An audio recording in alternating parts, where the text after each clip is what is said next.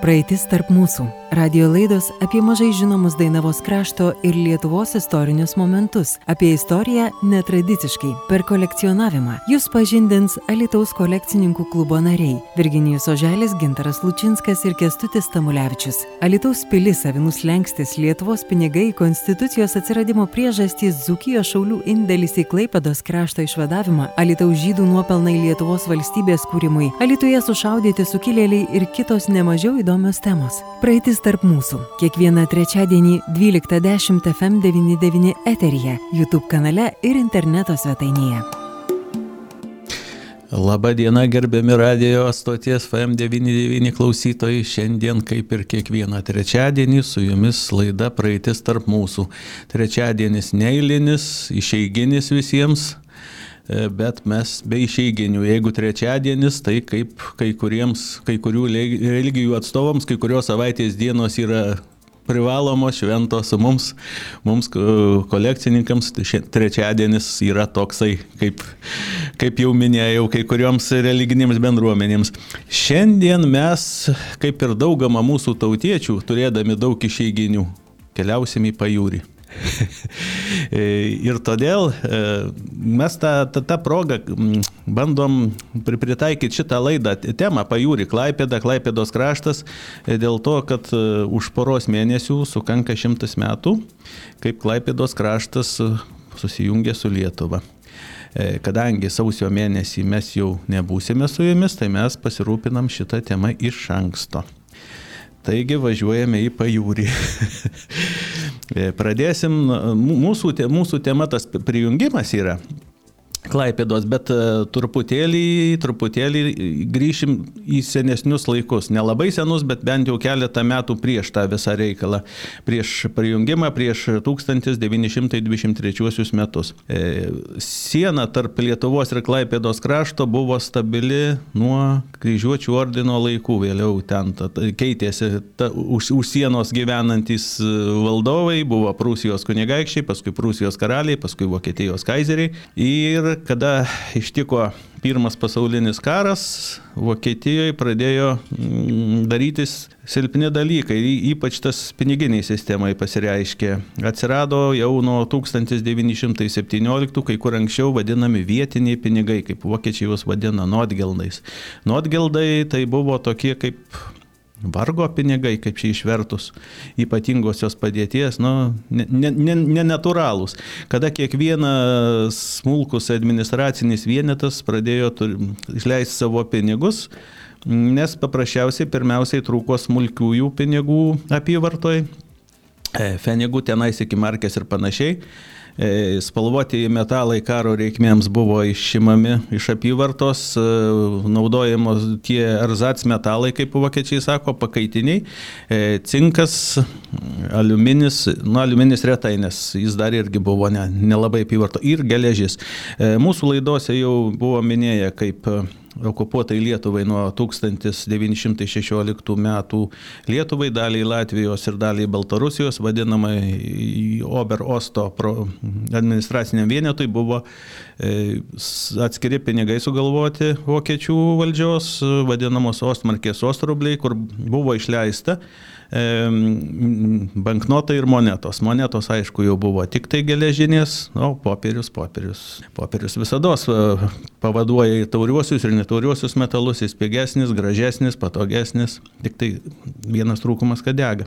Klaipėdos krašte pirmieji vadinami atskiri nuotgeldai atsirado jau 17 metais. Jų kolekcionavime kažkaip nelabai aš esu sutikęs asmeniškai. Yra knygos išleistos tą temą, mm, bet jau čia neminėsim, ne, ne, mūsų, ne mūsų šios dienos čia jau reikalas. Taip pat Klaipėdos kraštas kaip po toks turėjo savo pinigus šilutė. Heidegruk vokiškai vadinosi, Šilo karčiama tiesioginis vertimas, dabar šilutė. Ten galbūt 16 ar 17, dabar neatsimenu, aš, aš tuos banknotus turėjęs, vartęs rankose, nelabai išvaizdus, nu bet vis tiek pinigai. E, o dabar Klaipėdos krašto tokia istorija įdomi, gal epizodas toks, E, bevykstant pirmam pasauliniui karui 1915 e, metais kovo mėnesį nuo kovo 17 iki 21 dienos Klaipėda buvo užėmę carinės Rusijos daliniai. Ir iš taip netyčia toks, toks iššoko atminti įdomus epizodas, kažkur skaityta, kažkur girdėta, bet tai yra tikras epizodas, kad per tą keturių ar ten penkių dienų okupacija. Kazokai linksmieji ten vaikščiojo po miesto apylinkės, ieškojo, kur ten ką, priešas pabėgęs, miestas mūsų ir pamatė užmiestį gana tokį gražų namą, iškaba kažkokią vokiečių kalbą. Nu ką, užeisim, pažiūrėsim. Užėjo, ten jaunos moterys, merginos, vienos gyvena. Ah, kaip įdomu, kaip įdomu. Ir kas nustebino tuos kazokus, kad jos labai meilios tokios į visus dėmesio ženklus, labai teigiamai atsiliepė viską ten, tai jie tokie patenkinti, galvoja, iššifruosim, kas čia tas užrašas jau po kiek laiko. Priejo karininkas, kuris suprato vokiečių kalbą, perskaitė, kad tai yra raupsotųjų prieglauda. Nu ką, kazokėliai puolėsi, kokių priemonių ėmėsi dezinfekcinė priemonė, tai buvo dėktinė, vodka, taip sakant, jie dezinfekavosi ir daugiau į tą namą nebėjo. Tai va toks įdomus epizodas iš pirmo pasaulinio karo Klaipėdas miesto nuotykių. E, realiai Klaipėda jau, nu kada vokiečiai e, pralaimėjo tą karą, pagal Versalio sutartį juos apkarpė teritorijas, kai kas atėjo Prancūzijai konkrečiai Elzacas Lotaringėje, ten kur Vokietija buvo atėmus 1870 metais. Taip pat e, rytuose buvo irgi nuostoliai teritoriniai. E, kas mums e, sieja su Klaipėda, tai Dancigo miestas, dabar Gdanskas, buvo taip pat atskirtas nuo Vokietijos, nuo Rytprūsių provincijos ir įsteigtas toks kaip laisvasis miestas. Atskirai nepriklausomas nei nuo Vokietijos, nei nuo Lenkijos, nu, nominaliai kažkiek ten prancūzai pabuvo, bet realiai tai buvo kaip mini valstybė nepriklausoma. Jie aišku turėjo savo pinigus, savo valdžią, net auksinės monetas Dancigas išleidęs buvo, bet nu čia vėl ne mūsų tema. Klaipėda taip pat buvo atskirta pagal Versalio taikos sutartį nuo Vokietijos rytprūsių. Ir čia bus kaip įsigaliojo tas jau 1900 2020 m. vasario 15 d. pilnai atskirtas nuo Vokietijos ir perduotas administruoti prancūzams. Klaipėdos taip pat vietiniai vokiečių ta tokia jau vadinama grėtinėlė viršūnė, jie norėjo taip, kad būtų tas kažkas Dancigo miesto pavyzdžių. Laisvasis miestas, nei, nei mūsų, nei jūsų, nes ten pretenzijų iš karto atsirado. Lenkai norėjo, nors tiesioginės sienos ne, neturėjo su to Klaipėdos kraštu savo turėti. Lietuva natūraliai, nes ten gyventojų bent jau ne miesto vietovėse daugiau negu 50 procentų lietuviškai kalbančių buvo. Didelis procentas tų, kaip sakant, dvi kalbių, kurie dar neapsisprendė buvo, ar jie vokiečiai ar lietuviai, išskyrus patį Klaipėdos miestą, aišku, ten Miesto gyventojai tai dauguma tikrai save laikė vokiečiais ir ten sentimentų Lietuvai jokių neturėjo. E, tai atskyrus tą visą administracinį vienetą, nuklaipėda dėl to, kad Dansigo pavyzdžiui negalėjo pasiekti, nebuvo tas tokios pramonės. Nu, Dansigas tai toks pramonės, priekybos miestas, galingas uostas, viskas panašiai, ten nu, ir kapitalai šiokie tokie plaukėjo. Klaipėda visada Vokietijos laikais, kai buvo vokiškas miestas, visada buvo užkampis. Gūdi provincija, tik tai pasižymėjo tuo, kad istorijoje Prūsijos karalius Friedrichas Vilhelmas III labai nuskriaustas Napoleono, okupuota visa valstybė praktiškai buvo, tai rado prieglopstį kuriam laikui Klaipėdoj, kada jau pats pats pakraštys prancūzam buvo per toliai jau į tenais kažką. Tai va, tuom žymus dalykas. Ir, ir, ir dabar Klaipėda, kaip po to, ta, tasai visas kraštas atskirtas, prancūzai administruoja, jie turėjo, e, kaip ir visa Vokietija, savo lokalinius pinigus. Jie ne, neišleido tokių kaip, bet imdavo bendruosius Vokietijos Reicho markės, su, vadina vokiečiai tą daiktą Gegenstempel, nu, anspaudas papildomas, pliaukšt uždeda anspaudą ir jau jisai vietinės cirkuliacijos, kuris galiojo tik tai savose, savo krašto ribose. Bet tai tas darėsi visoje Vokietijoje, dar karo metu, dar netimtose teritorijose. Nu, nežinau, pavyzdį paėmus, kad tarkim Alitaus miestas įsileidžia savo pinigus su savo paveikslėliais, rajonas su savo ir galioja tik savo ribose. Tai ne, netgi ant tokių smulkių administracinių vienetų, kaip dabar pas mus kokia būtų apylinkė rajone.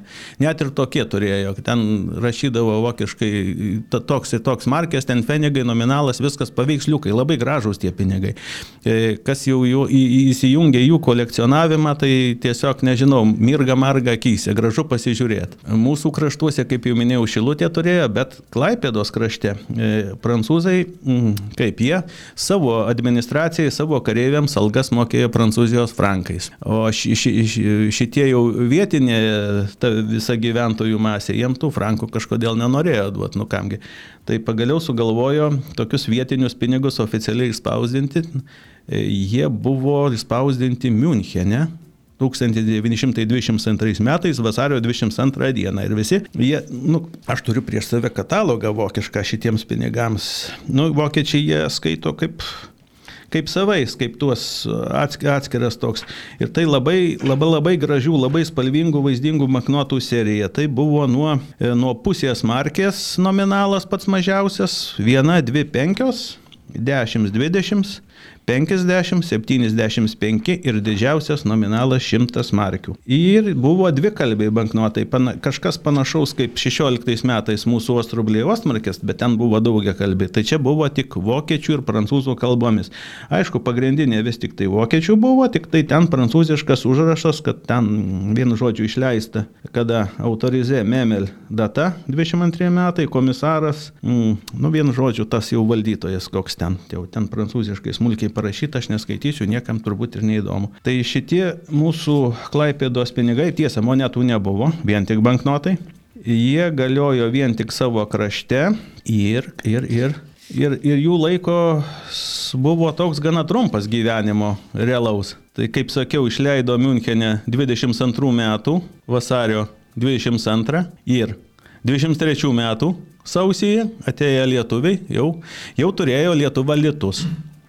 Aišku, juos ten pakeitė atitinkamai, aš dabar ne, neatsimenu kokiu ten kursu, kaip, aišku, jie, jie, truputėlį buvo turbūt lengviau su jais, negu kad su tai buvusiom ostmarkėm keičiant į lietus. Ten žmonės kažkaip operatyviai suprato, nors ten buvo visokių propagandų tarp vokiečių, kad neimkite čia lietuviški pinigai, nei, nei šis, nei tas, nors tas litas buvo tvirtas, litas viena dešimtoji dolerio pagal tų laikų kursą, pagal aukso tą turinį vadinamą dengimo auksu. Taip kad 10 litų buvo doleris, tiek sidabru, tiek banknotais, tiek prie kiekvieno keičiamo kurso. Net pas, kažkur pas mane yra senas, gal 1926-27 leidinys, kur sudėti visi valiutų kursai tuo metu litais. Tai doleris 10 litų su centais, gerai neatsimenu, bet tai nesvarbu.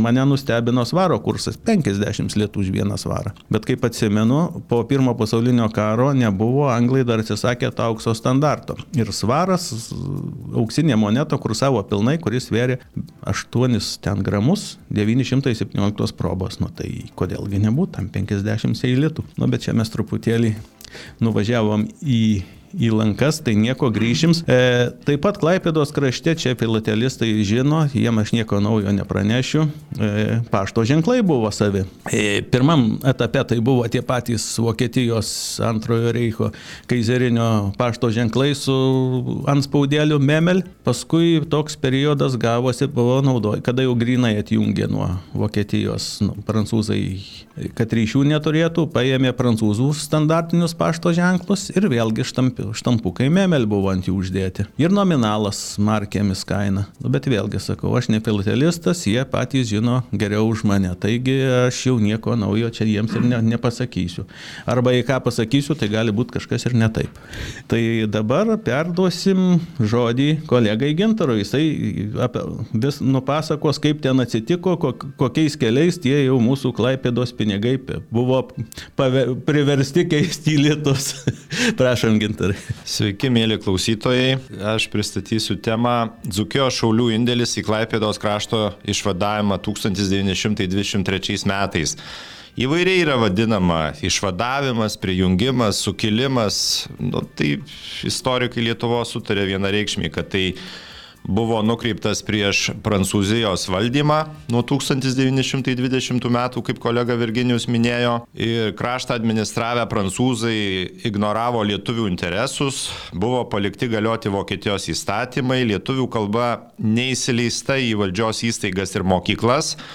Be to, Prancūzija siekia įgyvendinti Lenkijos siūlomą Klaipėdos laisvosios valstybės, vokiškai Freidštat idėją. Klaipėdos krašto prijungimui prie Lietuvos ir ginkluotam sukilimui pradėta buvo renktis 1922 metų pabaigoje. Tie veiksmai suintensyvėjo gruodžio mėnesį. Ne per seniausiai skaičiau dabartinių istorikų išvalgas, ypač Klaipėdos universitetas, jo istorikai dirba šitą linkme, kad vis dėlto Lietuvos e, valdžios atstovai, aišku, žinant ir prezidentų, ir kariuomenės vadui, buvo pasiūsti per, per, per ukrainiečių diasporos atstovus pas Vokietijos karinę vadovybę ir vis dėlto dabar yra žinoma, kad pritarimas iš Vokietijos buvo gautas tam vadinamam sukilimui atlikti. Taigi 1922 m. gruodžio mėnesį buvo sudarytas e, Klaipėdos savanorių vyriausias štabas, e, tos vadinamos kariuomenės vadu paskirtas Lietuvos kariuomenės generalinio štabo kontržvalgybos skyriaus viršininkas Jonas Polovinskas, bet jis pasivadino Jonu Budriu, kaip ir dauguma dalyvavusių karininkų tam sukilime, nu, kad parodį, tarkim, nesėkmės atveju, kad tai vietiniai darė sukilimą, pavyzdžiui, Balzaris pasivadino Balzarait, Kreunaitis Kreunait ir panašiai. 22 metų gruodžio 22 dieną iš, iš, iš vietinių lietuvių, nu, tų vadinamų prūsų lietuvių, buvo sudaryta tokia tautinė taryba, į kurią įtraukta Martinas Jankus, Jurgis Striekis, Jurgis Liebartas, Vilius Šiaulinskas, Jurgis Bruvelaitis, Jonas Vanagaitis ir buvo sudarytas vyriausiasis mažosios Lietuvos gelbėjimo komitetas, kuris oficialiai turėjo vadovauti ginkluotam sukilimui. Bet vėlgi, ką tik sakiau, kad, kad sukilimui vadovavo kontržvalgybos skyriaus viršininkas. Vyko paskutiniai pasirinkimai užimti Klaipėdą, parengtas detalus sukilimo planas. Lietuvos karinė vadovybė bijodama rizikuoti vien savanorių pajėgomis, grėbėsi tam tikros gudrybės. Nu, tos gudrybės ir šiais laikais yra naudojamos tam tikrų kariuomenių. Taigi, slapta nutarta pasiūsti geležinkeliu kelis reguliariosios kariuomenės dalinius su ginklais prie sienos. Kariai vagonuose buvo perengti civiliais drabužiais, oficialiai paskelbta, kad geležinkeliu siunčiamas naujokų papildymas į pasienio pulkus atlikti privalomos karinės tarnybos. Kita dalis kareivių pešiomis atvyko prie sienos ir irgi buvo perengti civiliais drabužiais ir laukė tinkamo momento e, pereiti tą, tą tuometinę sieną.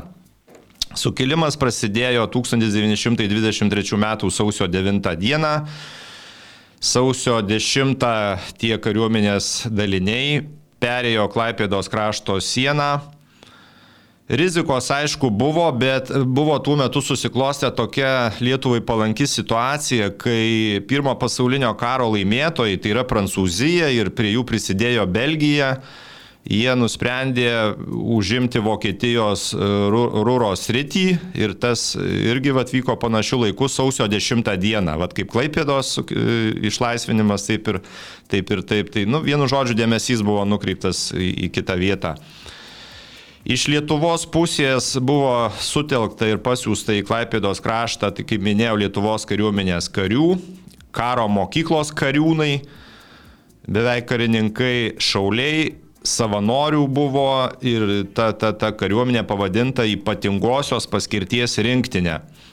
Vadovavo 40 karininkų, iš to tūkstančio reiškia. Buvo 584 kareiviai, 455 šauliai ir apie 300 savanorių, kurie nei kareiviai, nei šauliai, bet šiaip vyrai turintys karinės patirties ir tikrai mokantys valdyti ginklą. Kas mėgsta statistiką, dar galiu pasakyti, kad ši rinktinė turėjo 63 arklius, 21 kulkosvaidį, 1 komutatorių, 17 telefono aparatų, 3 automobilius ir 4 motociklus. Medicinos personalą sudarė 2 gydytojai ir 6 sanitarai puskarininkiai. Prancūzų karinės jėgos buvo gerokai mažesnės, pas juos buvo apie 250 kareivių, apie 200 policininkų, tai jau būtų 450 ir dar buvo apie 150 vokiečių savanorių. Tai iš viso apie 600 būtų, tačiau jie buvo nu, gerokai geriau ginkluoti, turėjo apie 50 kulkosvaidžių. Kadangi, kaip minėjau, Vokietija paslapčiom pritarė šiam, šiam Klaipėdos krašto iš, išlaisvinimui arba sukilimui, bet dėl atsargumo Vokietijos kariuomenė sutraukė dalį kariuomenės savo prie Tilžės tilto. Nu ką gali žinot, ką tie lietuviai sukilėliai sugalvos, gal ir Tilžę patraukti ir panašiai. Nors incidentų yra buvę, kad e, kiek, kiek irgi atskaitęs ten e, istoriko vareikio ten e, parengtose studijose, tai vienas karininkas viršijo savo įgaliojimus ir su keliais kariais per tiltą vis dėlto į tilžę nuvyko, vad panašiai kaip tie kazokai pasisvečiuot. Taigi pagrindinės kovos vyko dėl Klaipėdos. Aišku, tas visas kraštas, ten miesteliai ir panašiai, priemiešiai. Sausio 11 dieną e, lietuviai savanoriai apsupo Klaipėdą, pareikalavo, kad prancūzai pasiduotų. Tie aišku iš karto nesutiko pasiduoti. Prasidėjo mūšiai, kurie užtruko kelias dienas, intensyvūs susišaudimai turimais ginklais. Sausio 15 dieną vis dėlto lietuviai savanoriai įžengė į Klaipėdą ir užėmė prefektūrą. Tai yra vyriausio komisaro Gabrielio Žano Petisne būsinę.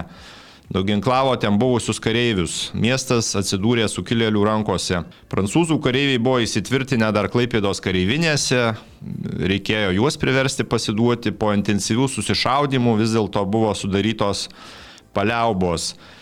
Istoriografijoje yra žinoma apie prancūzų ir vokiečių nuostolius. Tai prancūzų du kareiviai nukauti, trys sužeisti, aštuoni paimti į nelaisvę, iš kurių vienas karininkas buvo ir taip pat e, į nelaisvę paimta 15 vokiečių policininkų. Tuo metu spaudoje buvo skelbiami labai įvairūs žuvusiųjų lietuvių per Klaipėdo sukilimą duomenys, tačiau istorikas Vygantas Vareikis yra nustatęs nebejotinai, kad žuvo 12 žmonių.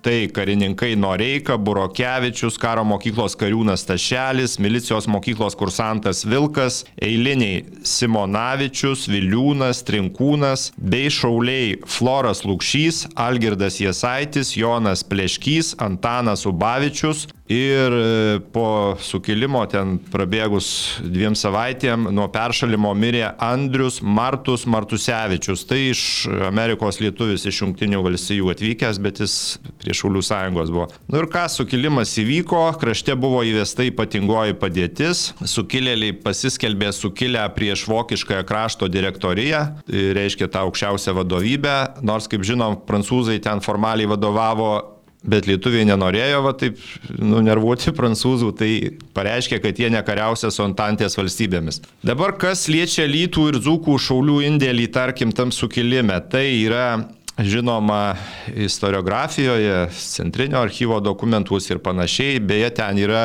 neįmanoma peržiūrėti didelis virš 10 tūkstančių bylų Šaulių sąjungos archyvas, taip kad epizodiškai tyrinėtojai ten suranda įdomios informacijos. Tai trumpai galiu apibūdinti, kad iš Alytaus tuo metinės Šaulių rinktinės, nu tuo metu vadinosi skyrius, dalyvavo 135 šauliai, jų pavardės yra žinomos, jos paskelbtos knygoje, na nu, ir istoriniuose šaltiniuose, bet taip pat ir knygoje Varienos krašto šauliai.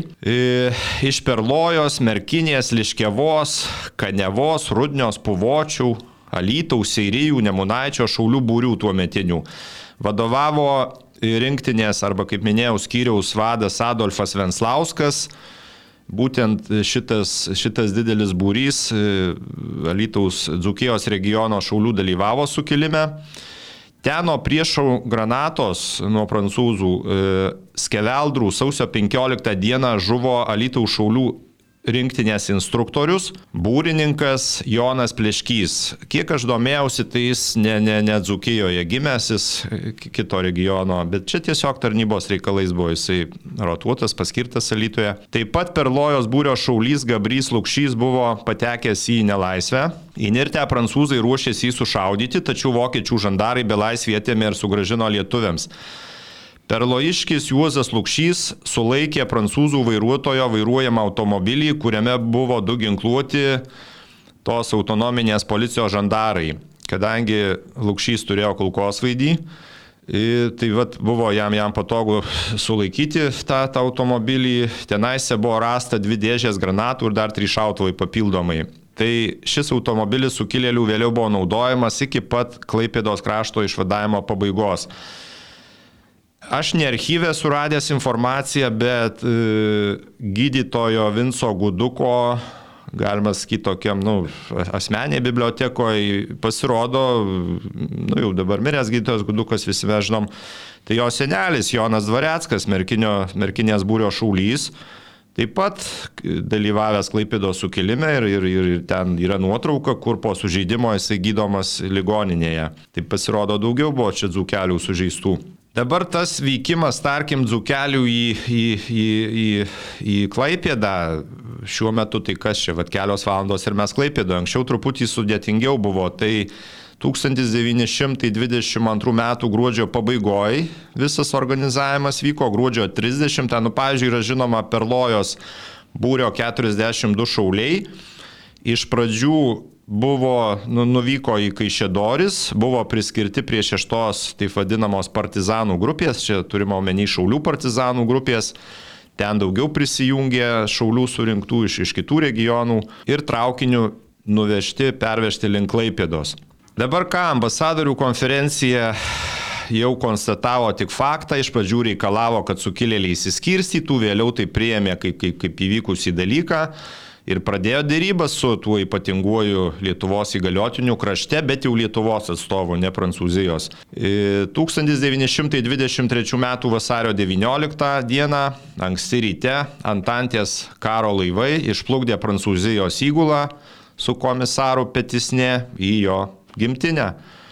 Ir vakare jau tos dienos oficialiai Lietuvos kariuomenė, bet jau su savo tikrom uniformom, ne su civiliai perrinkta, kaip kad pradžioje jau įžengė į Klaipėdos kraštą ir tiesiog vėliau įvyko pri prijungimas oficialus. Nemažai krašto gyventojų klaipėdiškių sukilimą laikė išsivadavimu iš prancūzų okupacijos.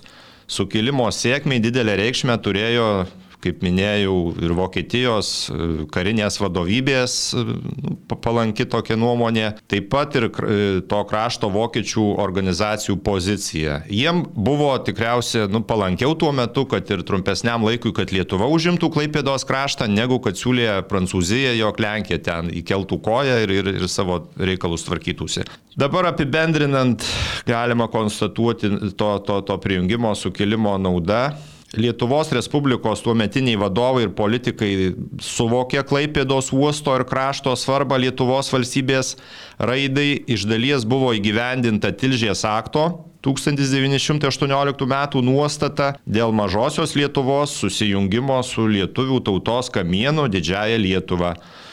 Naujoji lietuvių istoriografija Klaipėdos krašto sukilimą vertina kaip vieną drąsiausių Lietuvos Respublikos vyriausybės žingsnių.